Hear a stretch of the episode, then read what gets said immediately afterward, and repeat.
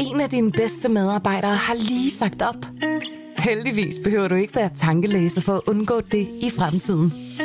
WinningTemp indsamler data gennem hyppige og anonyme medarbejderundersøgelser, så du lettere kan mærke pulsen på dine medarbejdere og støtte der, hvor der er behov. Kunder som Alfa Laval, Orkla og Volvo bruger allerede WinningTemp og ser, at det øger trivsel, reducerer turnover og hjælper med at fastholde talenter. Få gratis gennemgang allerede i dag på winningtemp.com. Berlingske.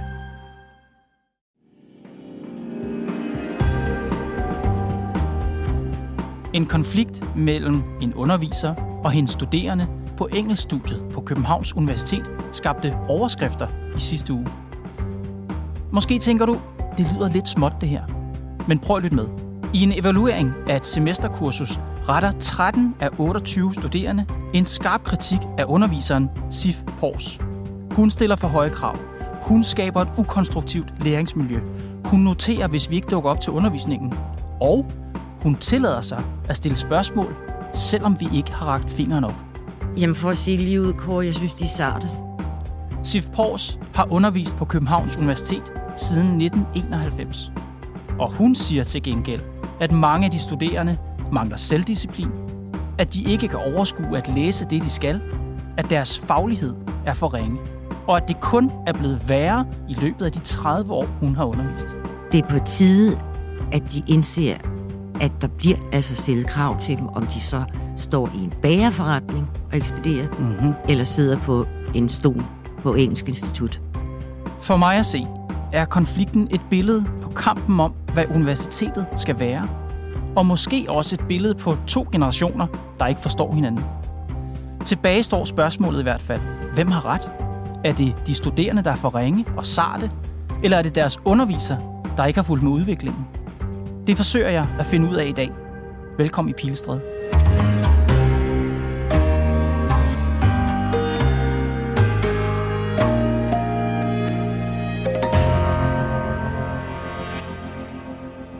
Begyndte at undervise på Københavns Universitet, da den kolde krig stoppede. Ja. Da, da Sovjetunionen kollapsede, startede Sif Pors med at undervise. Det er 31 år, du har undervist på Københavns Universitet. Det er godt nok længe. Hvad driver dig som underviser? Passion, tror jeg. Jeg er, jeg er meget glad for at formidle viden. Jeg elsker at skrive. Jeg elsker at lege med ord. Jeg elsker at lege med tanker. Og engelsk. Hvorfor, hvorfor elsker du engelsk? Jeg ved det ikke, Kåre. Sådan har det bare været, siden jeg var teenager. Da jeg skulle forberede det her interview, mm. der kom jeg til at tænke på en anden engelsklærer. Ja. En fiktiv engelsklærer, som hedder Professor Keating. Okay. Som er engelsklærer i Døde Poeters Klub. Ja, Har du- ja, ja, ja. Har du set filmen? Ja. Fra 89. Ja. Det er Robin Williams, der spiller professor Mhm, Keating. mhm, mhm. Og der er sådan en særlig scene, hvor han skal møde sine nye studerende for første gang. Mm. Det, er- det er en helt fantastisk scene. gone. Altså, han beder dem om at rive sider ud af deres bøger. Rip it out! Rip! Be gone, J. Evans Pritchard, PhD. Rip! Shred! Tear! Han siger, at vi skal have væk med dogmatikken. Mm. Jeg skal lære jer at tænke selv. Han, cit- han citerer de store poeter, Walt Whitman og andre. O me, O life of the questions of these recurring. Og han har sådan en, en helt brandtal, som slutter med, at han siger, prøv at høre, livet er som litteraturen. The powerful play goes on, and you Og I er en del af den. may contribute a verse. I får lov til at skrive et vers. Hvad tænker du om den scene? Jeg tænker, at det er jo en øh, fantastisk måde at tilgå det på, hvis man har tid nok. Ikke bare tid nok i selve timen, men i selve kurset. Mm-hmm. Hvis der er rum i kurset, hvis der er plads, så ville det være fantastisk. Men jeg tror, jeg vil få en klage, hvis jeg opfordrede folk til at hive sider ud af deres bøger. Ja, det tror jeg også. Men de sidder for ikke meget ofte ikke med bøger længere, de sidder med computeren, Mhm. selvom jeg opfordrer dem til at sidde med teksterne i hånden, fordi der er en eller anden forbindelse mellem Mm. det taktile system, hjernen og indlæring. Øh, I filmen, Mm. og selvfølgelig er det en film, men Mm. du ved, eleverne er fuldstændig tryllebundet af ham. Mm, mm. Oh, Captain, my Captain. Altså, Ja. de, de elsker ham. Mm. Har du oplevet at have sådan et forhold til studerende? Ja, det, det tror jeg i hvert fald nok. Jeg har i hvert fald hen ad vejen fået mange tilkendegivelser på, at jeg har været den bedste underviser, folk nogensinde har haft. Og det tænker jeg må være noget af det bedste som underviser at få den slags respons. Jamen, jeg elsker at blive rost, når jeg har undervist. Fordi øh, når det sker, så er det fordi, så er det virkelig connected, ikke? Og så er der, så har, så er passionen vækket i folk. Men for at kunne mærke sin passion og følge den, så skal man også være selvforglemmende. Mm. Man skal være selvforglemmende forstået på den måde, at man kan ikke, hvis man sidder og tænker på, ej, jeg er bange for at spørge, jeg er bange for at afsløre, at jeg er dum, mm. jeg er bange for, at jeg ikke er så dygtig som de andre, så kan man ikke køre med på passionsbølgen eller lidenskaben, vel? We don't read and write poetry because it's cute. We read and write poetry because we are members of the human race. And the human race is filled with passion. Det er jo herligt, når de studerende roser en. Men i september. Der øh, mødte et nyt hold op mm. til dit kursus, der hed Kultur, Litteratur og Historie 1. Det er et, øh, et semesterkursus for nye førsteårsstuderende. 28 mm. nye elever. Hvordan var stemningen? Kan du huske stemningen, da, da de dukkede op? Øh, faktisk var der 35. Der var, øh, det stod der på listen, så kom der 32. Og så var der fire, der meget hurtigt og meget fornuftigt fandt ud af, at det her, det var ikke noget for dem. Mm. Og så var vi nede på 28. Og det har vi så været siden omkring efterårsferien. Og hvad sådan overordnet dit indtryk af de 28? Jamen, den er, det er meget tvedelt. Altså, fordi der er en halvdel, som får læst, får tænkt sig om, rakt hånden i vejret, hvis det skal være så vigtigt, får stillet spørgsmål, spørger mm. ind, mm-hmm. som ikke er bange for at sige, det her forstår jeg ikke, for du godt afklare det for mig. Og det er jo sådan noget, man som underviser synes er en god studerende. Og hvad med den anden halvdel? Meget stille, øh, meget tilbageholdende, til sydenladende ikke ægte interesseret. Ikke ægte interesseret nok til at ville påtage sig det hårde arbejde, det er at være en engageret studerende. Hvad gør du som underviser i den situation, når du har en, et halv, halvdelen af et hold, der ikke er engageret, der ikke er motiveret, som ikke virker... Altså, hvad, hvad gør du så? Jamen, så er det, jeg prøver at spørge folk, som ikke i vejret. Gør du andet for at, at motivere dem? Men jeg sætter dem, beder dem for eksempel om at sætte sig i små grupper og tage et summemøde på 10 minutter mm-hmm. og afdække et eller andet aspekt af en tekst. Mm-hmm. Men når vi så mødes i plenum igen, så er det alligevel altid de samme, som melder sig frivilligt til at fremlægge det, de har fundet ud af. Mm. Det er simpelthen, fordi de ikke har lyst til at sige noget i lokalet. Ja, og hvad den lyst så øh, manglende lyst skyldes, mm-hmm. det er jeg jo ikke klar over. Jeg ved ikke, om det skyldes, at de ikke har læst. Nej. Du skal også vide, Kåre, at det er sådan. Hvis folk siger til mig, jeg har ikke læst i dag, Mm. så siger jeg, okay, og så går jeg videre til næste. Mm-hmm. Folk kan også komme op og sige til mig, jeg har angst, mig må du ikke spørge. Ja. Så respekterer jeg det, og det er jo ikke sådan, så hvis jeg siger, Pia, kan du gennemgå det her, eller kan du fortælle mig, hvad din opfattelse af den mm-hmm. her problematik er, at jeg så holder fast i Pia, hvis hun siger, nej, det kan jeg ikke. Mm. Så går jeg videre til næste. Mm. Der er ikke noget med at holde fast, fordi det ikke er en eksamenssituation som sådan. Now, my class, you will learn to think for yourselves again. You will learn to savor words and language. No matter what anybody tells you, Så dit overordnede indtryk var, her er et hold, hvor cirka halvdelen af dem, de er ikke motiveret. Ikke nok, nej. Da så kurset var slut, øh, efter semesteret var færdigt, de studerende? Jamen, så var de jo til en eksamen. Ja. Og ja, der var alle bestod, men ikke lige godt. Men alle bestod? Ja. Okay. Hvis du ser på, hvordan hele holdet præs- præsterede. Jeg ved godt, du siger, at der er nogen, der er gode, der er nogen, der ikke er. Men mm. hvis de skal have sådan en ordnet karakter, hvad vil du så sige? Den er svær, Kåre. Fordi det, jeg noterede mig, at, var, at da jeg var færdig med opgaveretningen og karaktergivningen, så lavede jeg en lille statistik på det. Gør jeg altid for at få et overblik over, hvordan holdet ligger. Mm-hmm. Og der var 15, der havde 7, 10 eller 12. Og så var der 13, der havde 02, 4. Og det, jeg ikke kunne lade være med at hæfte mig ved, det var, at der var 13, der havde klaget. Mm. Så der er et sammenfald mellem det tal der. Men jeg, altså, evalueringen er jo anonym. Ja. Du giver de studerende karakterer, men de giver på en måde også dig en karakter, for de studerende evaluerer undervisningen. Og det hold i efteråret evaluerede dig. Hvordan præsterede du i deres øjne? Ja, for halvdelens vedkommende, der præsterede jeg jo dårligt. Og så var der øh, de resterende 15, hvor nogen var hverken eller, ikke? og så var der mange, nogen 6, 7, 8 stykker, som var yes. Og dem, der synes, du gjorde det dårligt, hvad hæftede de sig ved? De hæftede sig ved, at jeg stillede spørgsmål, når de ikke havde markeret. De hæftede sig ved, at jeg noterede præsens, fordi jeg jo faktisk skal holde styr på, hvem der går på holdet, og hvem der ikke gør. Ja, altså fremmøde. Ja, Ja. ja fremmøden. Mhm. Mm-hmm. Så var der en, der hæftede sig ved, at jeg havde advaret dem mod at stille sig tilfreds med at få et 0-2, eller komme ud fra institutionen med 0-2, mm. fordi det øh, ville ikke skaffe dem et job. Havde du sagt i undervisningen? Ja. ja. Og det blev jeg kritiseret for at have sagt. Mm-hmm. Og så øh, havde vedkommende også øh, fat i, at... Øh, ej, hvad der var det nu? Jo, en havde siddet og kørt på nettet under en forelæsning, mm. og der havde jeg sagt til vedkommende bagefter, det der det er dårlig stil. Og det var der også blevet klaget over. Ja. Og her ved inde ved kernen der, der gør, at den historie har eksploderet, tror jeg.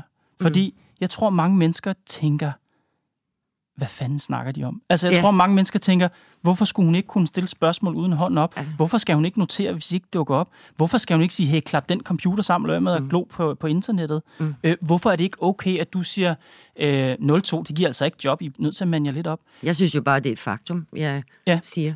De siger, at du stiller for høje faglige krav, mm. og de siger, at de her ting, vi lige har talt om, skaber et ukonstruktivt læringsmiljø. Et utrygt Et utrygt og læringsmiljø. ukonstruktivt, ja. Hvad, hvad tænker du om det?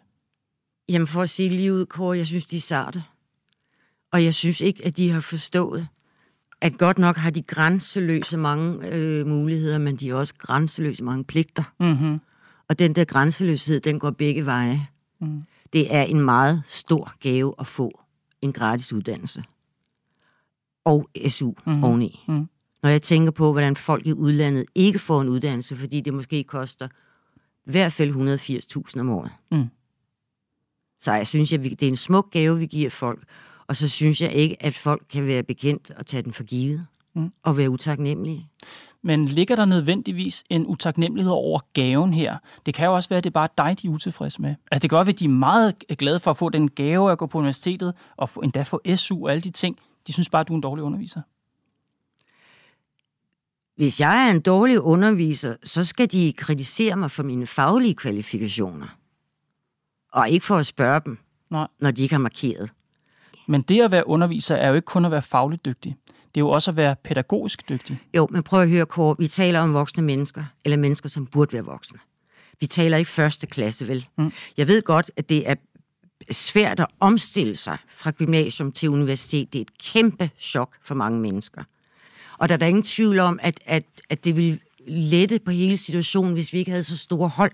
Ja, hvis ikke der skulle så mange igennem. Ja, ja, men også, at der ikke var 28 til 35 på et hold. Ikke? Du kan ikke, hvis du sidder med svært fagligt stof, og du har 28 mennesker, hvor mm. halvdelen simpelthen ikke har nok engelsk til at kunne læse de tekster, de skal forberede, så, så kan du simpelthen ikke komme ind og løfte dem alle sammen. Og jeg kunne godt tænke mig, at man fik en, øh, en form for adgangsprøve, hvor man simpelthen testede, hvor meget viden har folk, hvor meget engelsk grammatik kan de rent faktisk, Ja. for at vi kunne bedømme, om de kan klare den læsebyrde, som de får. Og det kan de ikke i dag, mange af dem. Mange af dem kan ikke. Nej. Og jeg skal også lige sige, at jeg er vant til at få en sviner. En eller to hvert år. Ja, Ej, SIF kræver for meget. Mm. Men jeg har aldrig været ude for 13. Og det er der, jeg tror, der er en, et generationsskift nu. Det kan også være, Kåre, at det mm. er corona-generationen.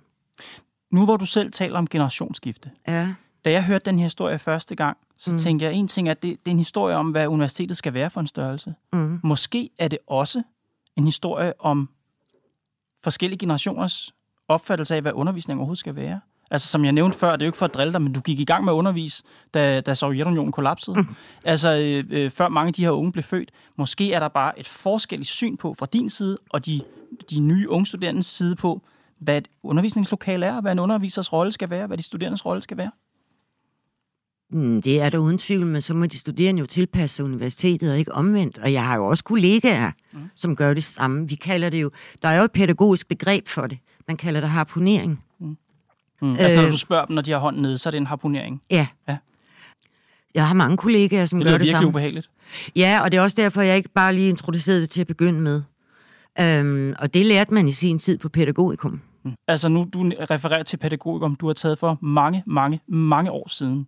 Øh, så et modspørgsmål til dig kunne jo være, du siger, at de unge skal tilpasse sig øh, universitetet, men du skal vel også tilpasse dig den tid, vi lever i. Har du gjort det? Ved du hvad, jeg prøver desperat at holde fast i nogle gode gamle dyder, som hedder noget for noget. Og at krav skal indfries. Mm-hmm. Og, og det der med, at unge mennesker har det så svært i dag. Jeg ville også blive stresset, hvis jeg havde fat i min telefon 600 gange om dagen, mm. og skulle ligge med den om natten for at kunne sove. Og jeg synes, at det er på tide, at de indser, at der bliver altså stillet krav til dem, om de så står i en bagerforretning og ekspederer, Mm-hmm. eller sidder på en stol på Engelsk Institut. Jeg synes, det er meget spændende, det du taler om nu med kravene, fordi hvis man kigger på KU's hjemmeside, mm. principperne for, hvordan undervisningen skal foregå på Københavns Universitet, mm. så har de et begreb, der hedder studentercentreret læring. Det er sådan, undervisningen skal køres på universitetet, og lad mig lige læse op for dig. Ja. Undervisningen skal tilrettelægges under hensyn til de studerendes faglige forudsætninger, så at de studerende kan være aktive medskabere af egne læringsprocesser. Tager du nok hensyn til de studerendes faglige forudsætninger? Det lyder, det lyder jo meget smukt, det der, Kåre. Ja, Og det er fuldstændig misforstået, fordi tag hen, jamen, hvis deres niveau ligger dernede, hvor de ikke kan konstruere en engelsk sætning, som mm-hmm. er grammatisk korrekt, mm-hmm. eller udtale den, mm. skal, altså, hvordan skal jeg så kunne få dem løftet op og beholde et, et universitetsniveau? Det er jo ikke syvende klasse, det her. nej. Det, det, det er første år på universitetet, og anden og tredje. Jeg læser lige lidt videre op, og det er jo bare fordi, det er det her universitetet synes, der skal ske i undervisningslokalet. Mm. Og nu citerer jeg. Mm. De studerendes trivsel er afgørende for deres læring, hvorfor Københavns Universitet arbejder målrettet med at sikre et trygt og inkluderende lærings- og socialt miljø, som de studerende kan udfolde sig i. Nu fortalte du før om en teknik, som hedder harpunering. Mm. Altså, det er jo et meget voldsomt billede. Ja. Man tager en harpun og skyder den i en val. Ja. Altså, det er det, man gør med en studerende, når man stiller dem spørgsmål, hvor de ikke har rakt hånden op. Passer det princip, passer den metode, harpunering, passer den ind i KO 2023, hvor man skal øh, skabe et trygt og rart øh, læringsmiljø? Jamen, altså, universitetet skal ikke være et safe space. Det er som om alle glemmer. Mm. Alle glemmer. Mm-hmm. Et, og her siger jeg noget lidt spøgefuldt. Hvis jeg ikke spørger dem, der ikke har markeret, så har jeg ikke inkluderet dem. Mm. De er jo vilde med inklusion alle mm-hmm. sammen, ikke? Ja. Og det kan jo ikke kun være inklusion på et positivt niveau. Det må jo også være i alle områder, det gælder, den der inklusion. Noget andet er, og det synes jeg virkelig er vigtigt at få med her, det er, folk har glemt, at man vokser af at få udfordringer. Mm. Og jeg tror, det er det, der er problemet med de her unge stakler her, som ikke har forstået, hvad det er, der kræves af dem. Det er, hver eneste gang man bliver udfordret, og man klarer det, så vokser man en lille smule. Selvtillid er aldrig baseret på, at man får at vide, hvor fantastisk man er, bare fordi man er til. Fordi mor og far elsker som regel altid deres børn. Selvtillid vokser ud af, at du består den ene lille minimale prøve efter den anden. Så som praktiker på gulvet, kan man sige, på universitetet, der er dit, dit, du, det, du bønfalder ledelsen om, det du bønfalder folk, der kigger på universitetet om, det er, sørg nu for at stille krav til de unge. Ja. Det er det, de vokser på. Ja, det er det, de vokser på. Mm. Jeg prøver faktisk at gøre dem en tjeneste, fordi hvis man tænker nogle få år frem, så en eller anden dag kommer de ud og får en eller anden form for job. Mm. Og Hvis ikke før, så klipper, klapper fælden der. Mm. Men ledelsen har et krav om, at du tager udgangspunkt i deres faglige niveau, og ledelsen har et krav om, at du skaber et trygt øh, studiemiljø. Er du i virkeligheden helt uenig med ledelsens undervisningsprincipper? Ja, det er jeg. Arbejder du så det rigtige sted? Nu kan man jo sige, at jeg er så gammel, så det er jo ligegyldigt, om jeg arbejder eller ej. Men øhm, jeg synes, jeg har erfaring for, at ledelserne på uddannelsesinstitutioner bare hakker hælene sammen og siger ja tak til, hvad politikerne siger. Og politikerne har ikke meget indsigt i, hvad der foregår på en uddannelsesinstitution. Det har de jo ikke. Det det er fortsat med af dem, som Men- har været undervisere. Men du er, nu har du også selv øh, nævnt det, det er jo ikke så pænt at tale om alder, men du er også en af de gamle i går på, på universitetet. Mm. Er det måske på tide, at der er nogle andre end sådan nogle som dig, der ligesom skal... Altså du ved, de, de principper, du har, er, de Kåre, håbløst de er der da. Der er der masser af unge undervisere på universitetet, mm-hmm. som også spørger folk, der ja. ikke markerer. Mm-hmm. Jeg sad for sent som for to uger siden og talte med en kollega, som sagde, jeg harponerer også. Så det er ikke en generationsting, det her. Nej. Nej. Øhm, jeg vil gerne lige blive ved det her med, med dit forhold til, til universitetet, fordi nu er der jo mange, der har sagt noget om det her. Det har din egen studieleder også, Kirsten Jeppesen Krav, har udtalt sig til politikken om det her. Jeg vil ikke læse det hele op, men noget af det synes jeg er spændende. Hun siger her, fordi du taler om det her med, at de ikke får læst det, de skal. Mm. Din studieleder siger, det er en anden type studerende, vi har i dag. Læsekulturen er blevet øh, anderledes, og individuel læsning er blevet sværere, fordi det kan være svært at fastholde koncentrationen. Hvad siger du til det? Jeg siger, at det er det, der er problemet. Og det mener jeg ikke, universitetet skal bøje sig for. Hvis et universitet skal opretholde mm-hmm. et niveau, mm-hmm.